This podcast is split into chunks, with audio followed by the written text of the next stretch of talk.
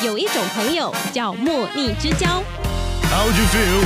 I got feeling.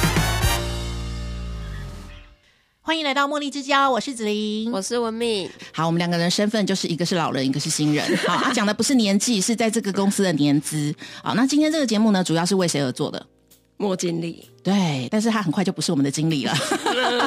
所以我们就讲呃，Mr. Moore，对不对？哈，好，那其实讲到莫经理呢，对我来讲啊，他当我的经理很多年，所以我感想比较多，所以占比较长一点的时间。哈，那其实一开始知道莫经理要走的时候，我就跟其他同仁要离开一样的。感觉好，反正只要能够要离开这间公司，我都会觉得说，只要不是冲动啊，是一个良好的规划，那都是充满祝福。那虽然就是以工作内容来讲的话，我不是企划同仁，我比较像是营业部的部分啊。工作上是比较独立作业，所以跟经理不算是很频繁的互动，好。不会跟着他出差呀、啊，在外面过夜啊，我比较没有那种机会。虽然我很想啦，哈，觉得脱离三个小孩都很棒，但是我觉得就是在工作上啊，我觉得光经理给我们的那个弹性跟空间还有协助，其实对我来讲就是这样工作很愉快。而且在我的人生过程当中，因为现在有三个小孩哦，其实是很累很喘，反而是上班的时候是喘息的空间。所以有一个这么棒的经历，我会觉得很棒。而且更棒的是，嗯、就是之前我们部门聚餐，在一些很高档的餐厅啊，现在讲了让你羡慕一下，因为你都没有参。参与过对不对？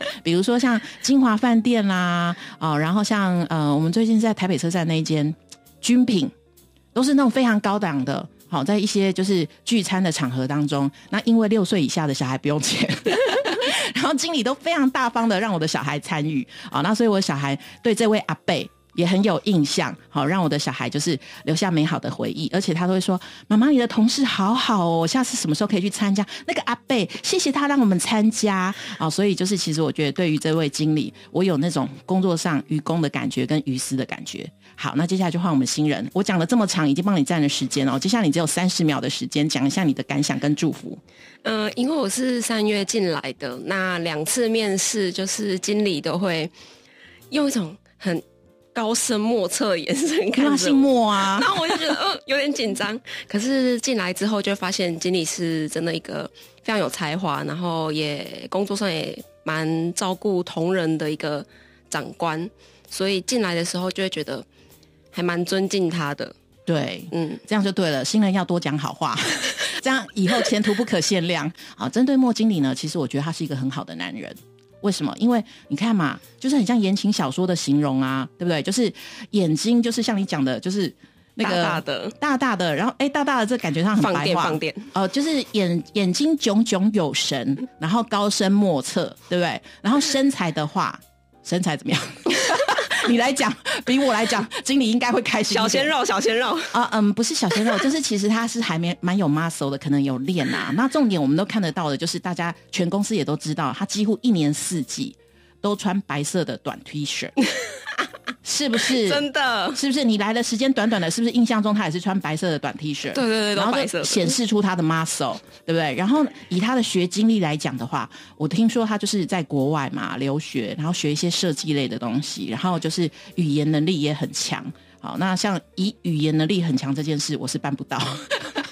下辈子，所以我觉得很厉害。然后另外还有，我觉得令人羡慕的就是他怎么可以让自己的工作上可以这么快乐的，这么多的妹围绕，都是年轻的妹。你太晚进来了，文明。我跟你说，像我们这种老妹就被放在旁边，我们就是独立作业，他都跟年轻的妹在一起。你如果早点进来，你也是其中的一员，这样知道吗？太晚加入了，对对对，但是我们的经理死会了。对，那讲他死会，我也要讲说，他也是在工作当我们的经理的中间，我们参加了他的婚礼。对他可能是要早早告诉我们他已经死灰了。对，那可能就是在人生规划上，他有其他的梦想，所以他要去施行。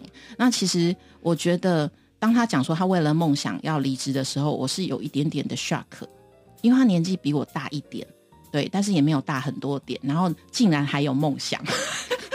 你人生如死灰了吗？因为当带三个小孩的时候，就会觉得啊，我先把今天应付完就好了。那我们先问一下，你有没有梦想？当然有，我们两个差两轮呢。有啊，你的梦想是什么？讲来听听。嗯、呃，啊，这不好吧？啊，很私密是不对，私密的，私密的。好了好了，那反正我们经理有梦想，我觉得到这个年纪还有梦想，然后还有还有那个执行力去执行，那我就觉得是一个很棒的事情。那所以我觉得对于经理的未来，我们也充满期待。那最后就是讲一声，如果假设经理未来就是宏图大展，前程就是呃光明无限的时候，呃，就算不是我们经理，也可以回来找我们做 case。好，就是变成莫老板的时候，需要呃，就是正身为您服务的时候，请记得打分机七五三廖子玲，或者是分机七五九文明对，然后让我们正身赚点业绩，那我们会给你打一个比较优惠的价格，反正折扣你都已经知道了。好啦，最后祝福经理就是未来一切都好。哎，哎，换我了吗？哦，不要忘记我们哦，鹏程万里。哎，这样对吗？可以可以可以，这是小学生留言的版本。你是年轻人，可以这样留言，反正就是祝福就对了。来，给你一个祝福的 ending 时间。啊，又到我吗？好，嗯、那最后就祝经理，呃鹏程万里，再讲鹏程万里，然后有更好的发展，追逐自己的梦想。